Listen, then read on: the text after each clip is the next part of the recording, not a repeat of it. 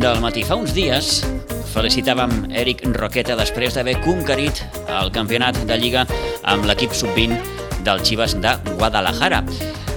Eric Roqueta es troba allà des del setembre de 2019. Aleshores, l'Eric treballava a Can Barça com a responsable del treball de força del futbol formatiu, és a dir, els dos juvenils i el Barça B.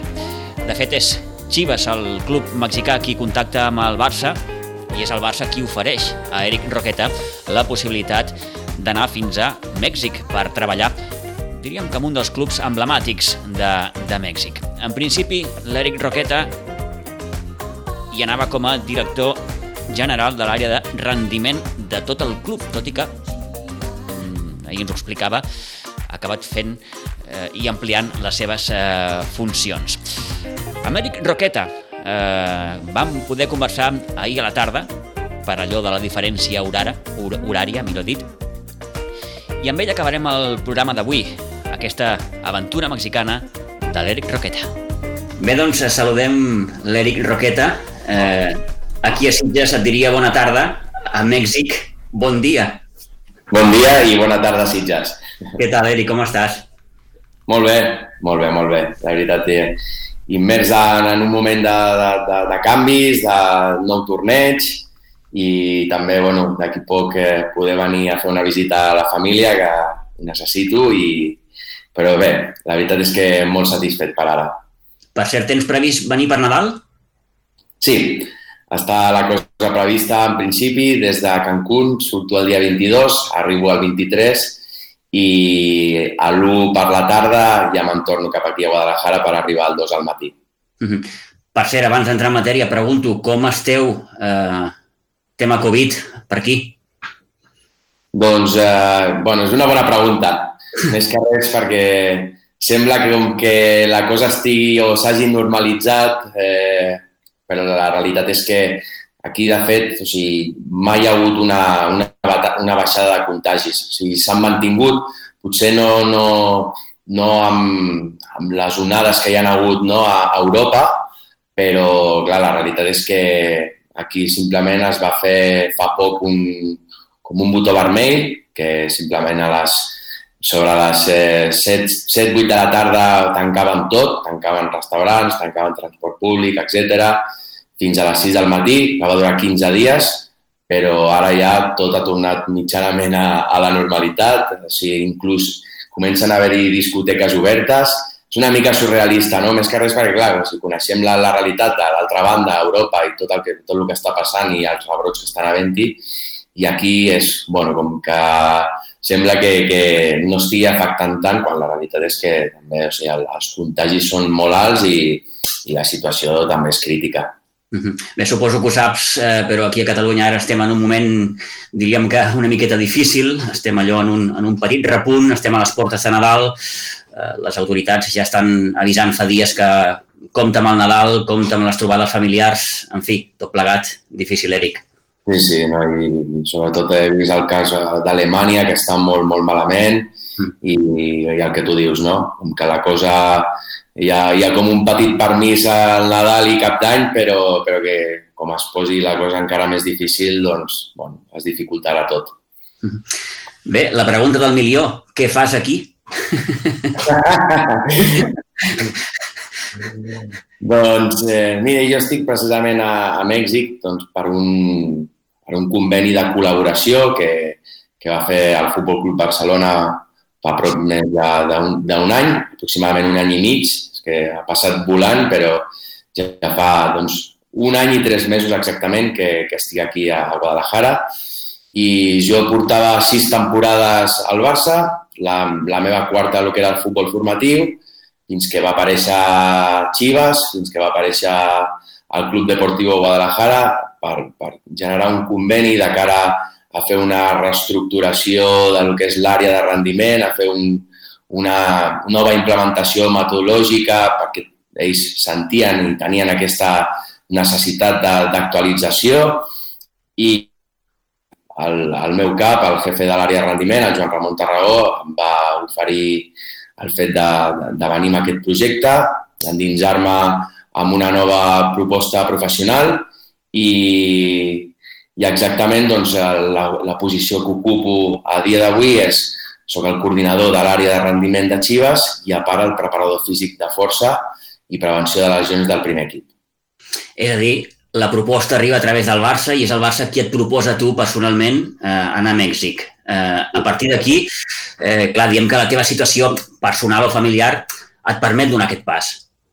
Exactament per això, sí. a l'hora de, de valorar també quan, quan el meu jefe em, em, quan, quan em, ell em planteja l'oferta eh, professional, ell també té en compte doncs, que jo doncs, familiarment, en aquest sentit, o sigui, no tinc dona, no tinc fills, no, no tinc una, un lligam allò molt, molt gran que dificulti el fet de, de prendre aquesta decisió. Aleshores, a l'estar totalment lliure, eh, doncs, va ser molt més fàcil pensar en, en aquesta decisió i, i venir cap aquí a Mèxic, perquè al final jo veia que també doncs, podia ser un salt professional molt important a la meva carrera. Eh, endinsar-me en una competència que jo doncs, mai havia exercit, no? com és la, de, la coordinació de l'àrea de rendiment i, i doncs, poder fer una, una implementació metodològica amb un grup, amb un club tan reconegut com, com és Chivas, doncs jo cre, creia que era algo molt motivant que em podia ajudar a créixer moltíssim i al final bueno, són experiències que no només són professionals sinó també de vida, no? en el sentit de que jo és la tercera experiència que tinc, ja havia estat a Azerbaiyán, havia estat a Bahrein i aquesta barrera com que l'havia trencat no? i realment doncs, eh, era una motivació de nou el fet de, de, de tornar a sortir.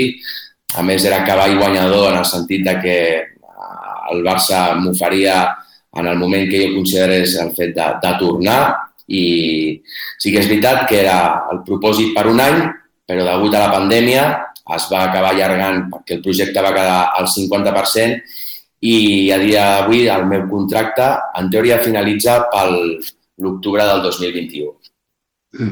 Sí que és cert això que dius, no? que eh, hi ha una part estrictament esportiva i una experiència de vida. Eh, I en aquest sentit, no direm que hi tenies la mà trencada, però ja tenies una certa experiència en, en estar lluny de casa. No sé si a to, això t'ha ajudat. Sí, totalment, totalment. A part que amb, amb, amb les altres experiències que vaig tenir eh, va haver-hi molts períodes on vaig estar molt sol i aquesta és molt diferent perquè al final jo arribo i em trobo a Gerard Piniés, que és un preparador físic que havien fitxat de, de Barcelona, eh, estava treballant a l'Igualada i a través d'un contacte doncs, van fer-lo venir a Chivas i ell estava com de preparador físic de força de, de que era la base. I me'l vaig trobar allà quan feia tres mesos i en el fons eh, a mi això em va ajudar moltíssim a, a la integració, a l'adaptació, la, a, a veure-les ja molt més ràpid venir com, com gestionava i com funcionava el club. Eh, i, i, òbviament, pues, la part efectiva no, aquesta de, de trobar-te algú de la teva terra sempre ajuda. I l'altra és que poc després de jo arribar, als tres mesos, va ser quan a mi em demanen eh, per que ofereixi o que jo pugui recomanar la figura d'un gerent de fisioteràpia i Oriol Pastor havia treballat amb ell al, al Barça, vaig estar molts anys amb ell, el coneixia i sabia de les seves capacitats i va ser el primer que vaig pensar. Aleshores, eh, bueno, el, el, directament amb el cap dels serveis mèdics, quan li vaig parlar de la seva persona, el van trucar, ell molt ràpidament també va, va acceptar el fet de, de venir i a dia d'avui doncs, estic visquent compartint pis, eh, compartim el primer equip i bueno, també estem amb, el Gerard, que vulguis o no, doncs, som tres catalans que estem a Chivas, eh, que vulguis o no, doncs és, és, és algo de, que alegrar-se i, i, i trobar-te doncs, molt més còmode en un país que és Mèxic, que no, no és el teu, però que en el fons eh, eh, sempre, sempre és molt, ben, molt benvingut el fet de, de tenir algú al costat de la teva terra. És evident que sí. Eh, eh, en aquest cas no tens tampoc la barrera idiomàtica, que això també és important. Exacte. Sí, no, no, això, sobretot, eh, jo me recordo, vaig passar molt malament a, a Azerbaiyán, anava amb un anglès molt, molt, molt, amb un anglès molt, molt, molt dolent i, i clar, necessitaves tenir doncs, bueno, molt de temps per poder tenir una comunicació fluida, Sort que en aquell moment hi havia un traductor que, mare meva, es tornava boig perquè feia les traduccions a l'acerí i després les havia de fer a l'anglès. Fins que al final, doncs, eh, als pocs mesos d'estar allà, van ser uns 4, 3-4 mesos, eh, ja em vaig començar a defensar bé amb l'anglès i a Bahrein igual, a Bahrein ja no va haver-hi tanta, tanta problema perquè ja venia una miqueta més d'aprenentatge de, de, de l'idioma i com que el segon idioma precisament allà a Bahrein és l'anglès, no vaig tenir molta dificultat, però no deixa de ser que és una petita barrera i no pots sempre acabar d'expressar-te de, com, com t'agradaria, com voldries, i aquí, en aquest cas, a Chivas, eh, no, no hi ha hagut cap, cap problema. Ara doncs, estic aprenent el mexicà. Molt bé. Ara t'ho anava a dir, com, com diuen aquí, el platicar, no? Exacto. Exacto, exacto güey. Molt bé. Eh, més enllà dels, dels resultats esportius que, que puguin obtenir els, els, els equips, entenc que, no sé si dir en el teu cas, vaja, no, no vull dir que, que quedi en un, en un segon terme, no? però, però eh, com t'ho planteges tu, aquesta experiència?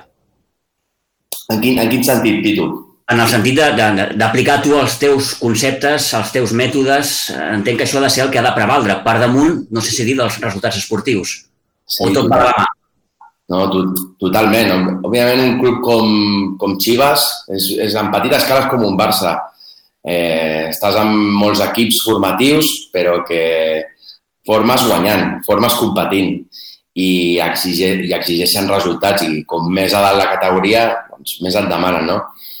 Però al final jo crec que ha d'anar una mica més enllà aquest projecte i, i tot ha de partir doncs, per, per, per un diagnòstic un diagnòstic de l'entorn que, que vaig fer al principi, que per mi va ser molt, important molt important de cara a, marcar la, les línies mares d'aquest projecte i és no, què és el que tenim, què és el que hi ha, per on hem d'arribar, què és el que ens marquem, quins objectius amb tot això.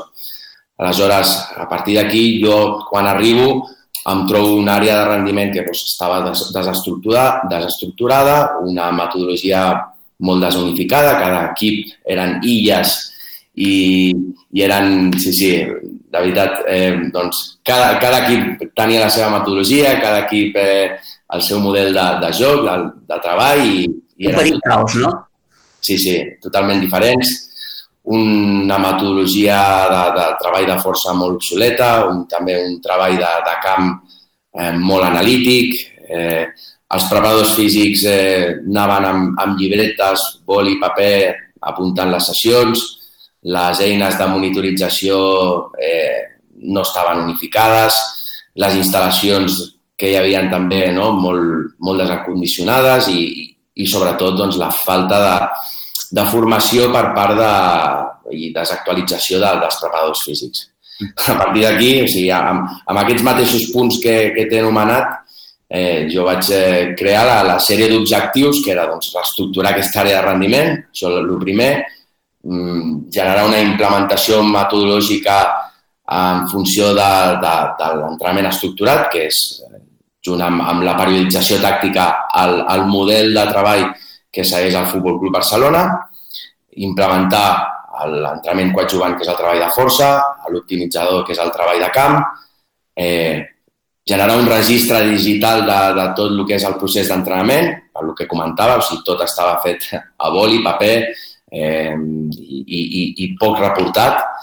Unificar el, el sistema de monitorització de, de, de només amb, amb una marca de GPS per poder fer unes bones eh, quantificacions de, de, de la càrrega de treball, de la càrrega externa i, i que es poguessin fer comparatives, acondicionar o mirar per un projecte de condicionament de les instal·lacions i això és amb algo que encara estem està en construcció, que és el nou gimnàs.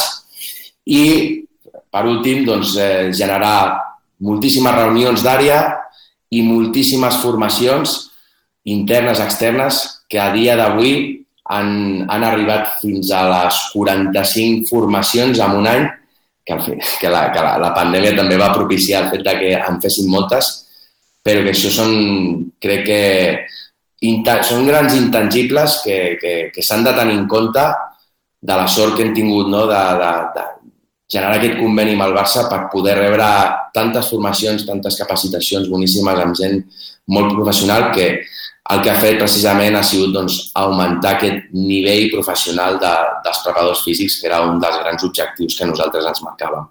En aquest sentit, Eric, has tingut facilitats per part del club? És a dir, tu arribes, proposes, dius, així, això s'ha de fer així, eh, hem d'unificar tot això, hem de crear tot això. Has tingut facilitats en aquest sentit o, o ha costat el procés? Saps la frase que les coses de Palacio van despacio? I tant.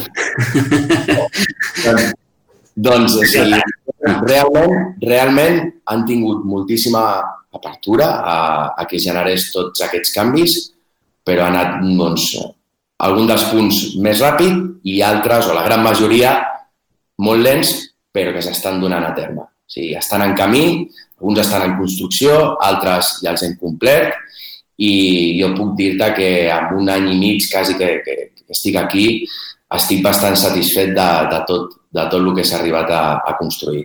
Mm -hmm. Com definir... Sí. És un projecte que no només és de l'àrea de rendiment. El club està en transformació en tots els àmbits, a l'àrea mèdica, a l'àrea fisioteràpia, a l'àrea tècnica.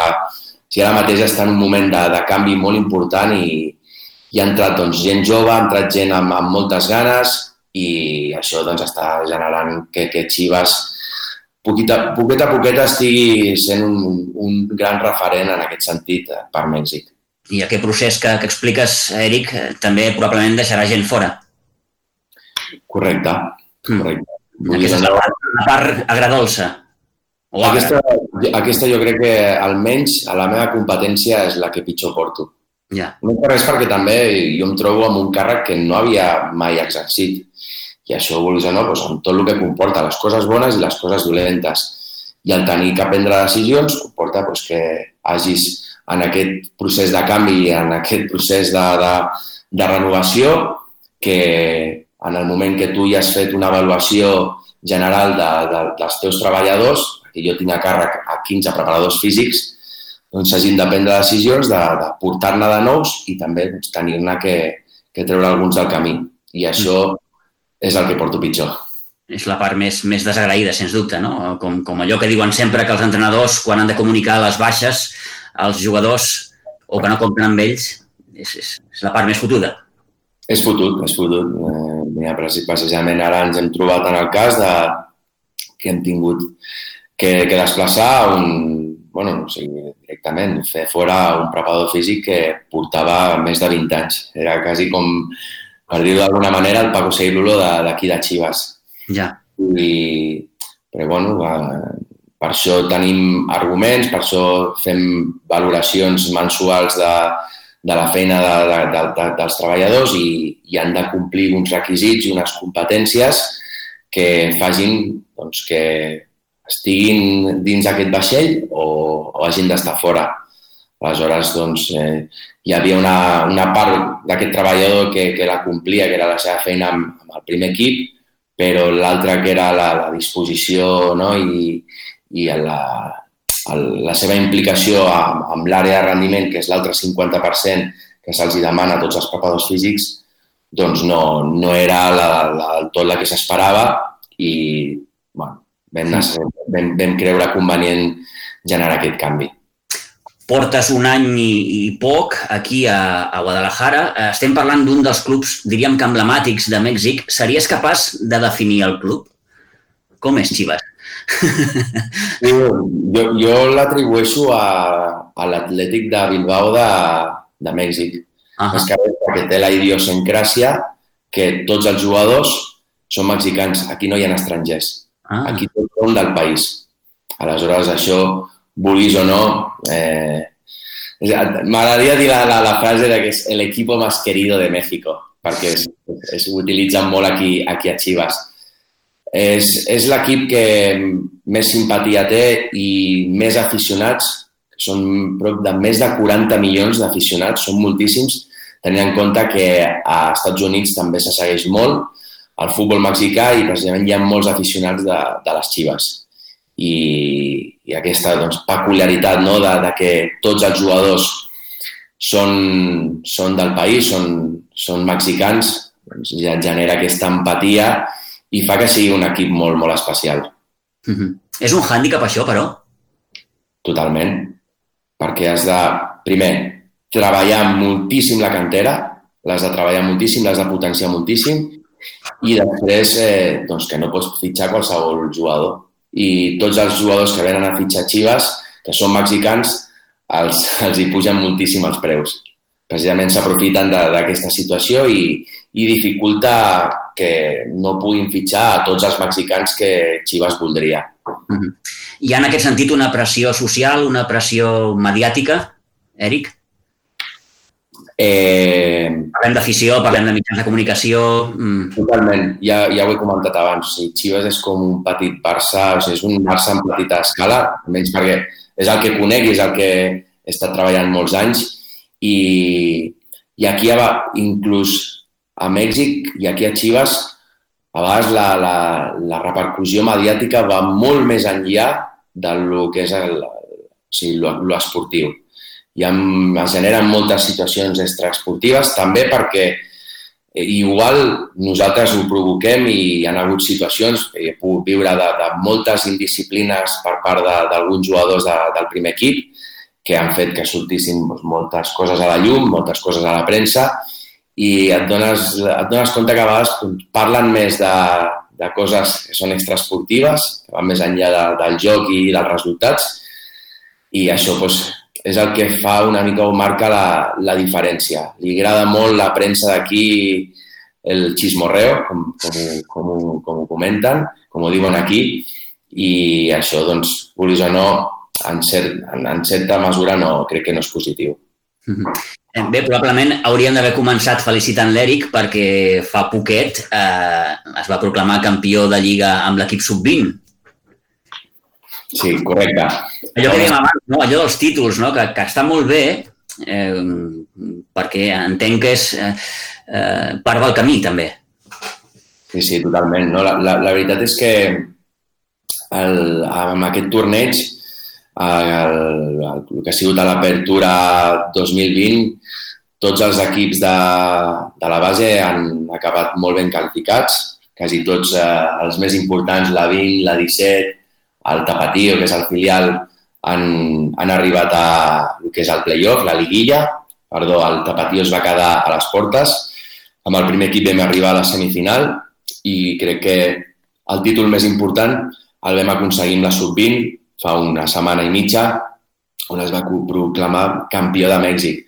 No és la lliga de divisió d'honor que, que hi ha a Espanya, que jugues no sé, l'àrea de Catalunya, Aragó, Balears, eh, no? i no, aquí és tot Mèxic. Juguen els mateixos equips que juguen al primer equip i al mateix format, on es fa un playoff, es juga a quarts de final, semifinal i final a doble partit i van acabar guanyant, a més, contra l'Atlas, que és el, el derbi d'aquí, de, derbi tapatío, derbi de, de Guadalajara, eh, fent molt, molt, molt bon, molt bon joc eh, i, i crec que va ser una, acabant amb una gran temporada per part de la sub-20. Per cert, la situació que teniu aquí, eh, Eric, us permet eh, públic als estadis o no?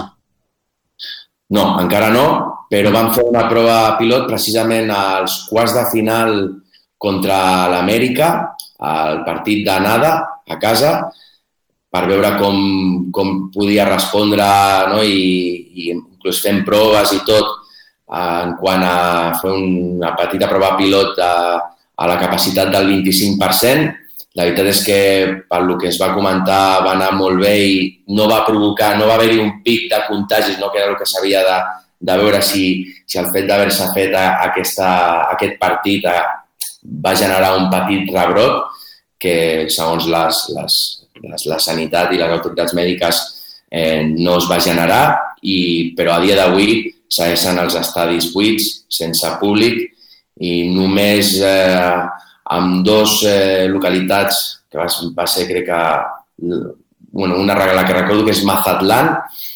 Mazatlán eh, va començar també fa poc a omplir amb, amb poca capacitat als estadis, però que la majoria estan buits. Quina sensació has tingut tu eh, com a esportista no? de viure una situació així, no? d'estar en, un, en, un, en un camp de futbol on no hi ha afeccionats? On s'escolta tot. Clar, mmm, el futbol, jo crec que el, part del futbol són els aficionats i que treguin els aficionats és treure una part del futbol.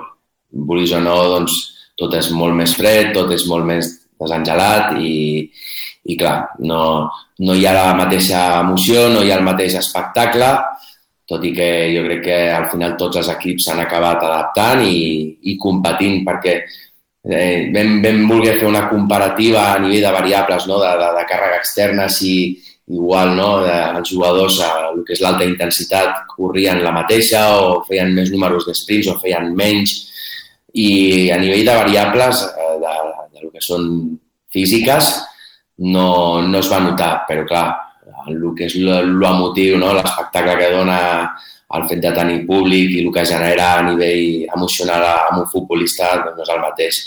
I és una llàstima, realment ha sigut una llàstima no poder viure aquesta part que a més aquí a Mèxic i a Chivas eh, els camps eh, realment s'omplen. Jo vaig poder veure en el primer torneig, no? veure com, com realment la, les aficions es volquen amb els seus equips i, i com es viu el futbol i com s'anima i com s'està a sobre, això és, és, és molt bonic i tenir-ho que frenar doncs, és, la veritat és que ha sigut una putada.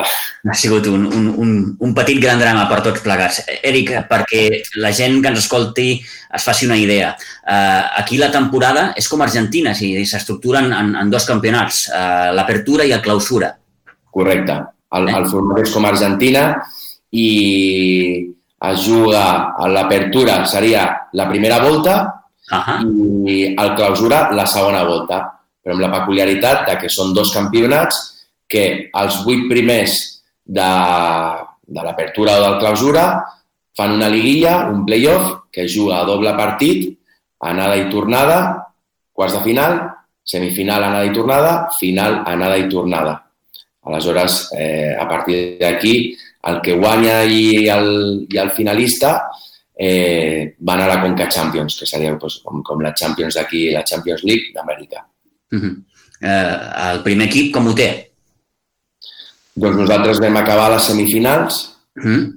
Realment, tal com vam començar, que a més vam tenir que viure un, un canvi d'estaf de, de, de tècnic, no? de, del cos tècnic, perquè la tercera jornada no, no estaven anant bé els resultats i van decidir canviar el cos tècnic i hem sigut bastant irregulars, vam poder classificar, vam el repetxatge eh, el, vam, el vam passar, el vam superar i jo crec que contra pronòstic hem, hem competit contra l'Amèrica als quarts de final, que vam guanyar els dos partits, fent un gran joc i jo crec que dels millors partits de, de la temporada. Ens plantem a semifinals contra León, que són els que van quedar primers a la Lliga regular i allà ens van superar, ens vam empatar el partit de casa i ens van guanyar 1-0 allà a León i eh, el, crec que el futbol també va fer justícia, perquè això no acostuma a passar, que és l'emoció que li dona també aquest format, eh? que quasi sempre el primer, el que queda primer a la lliga regular no acostuma a guanyar. Ja. Això ho fa més emocionant eh? I, i, i fa que doni més possibilitats i per això és molt difícil que durant els, el, vagin passant els anys i es repeteixin els, els campions de lliga. O sigui, sempre són equips diferents. Els que més han guanyat eh, han sigut Chivas i Amèrica. Crec que està Chivas amb, amb 11 i 12 per part de l'Amèrica, de campionats.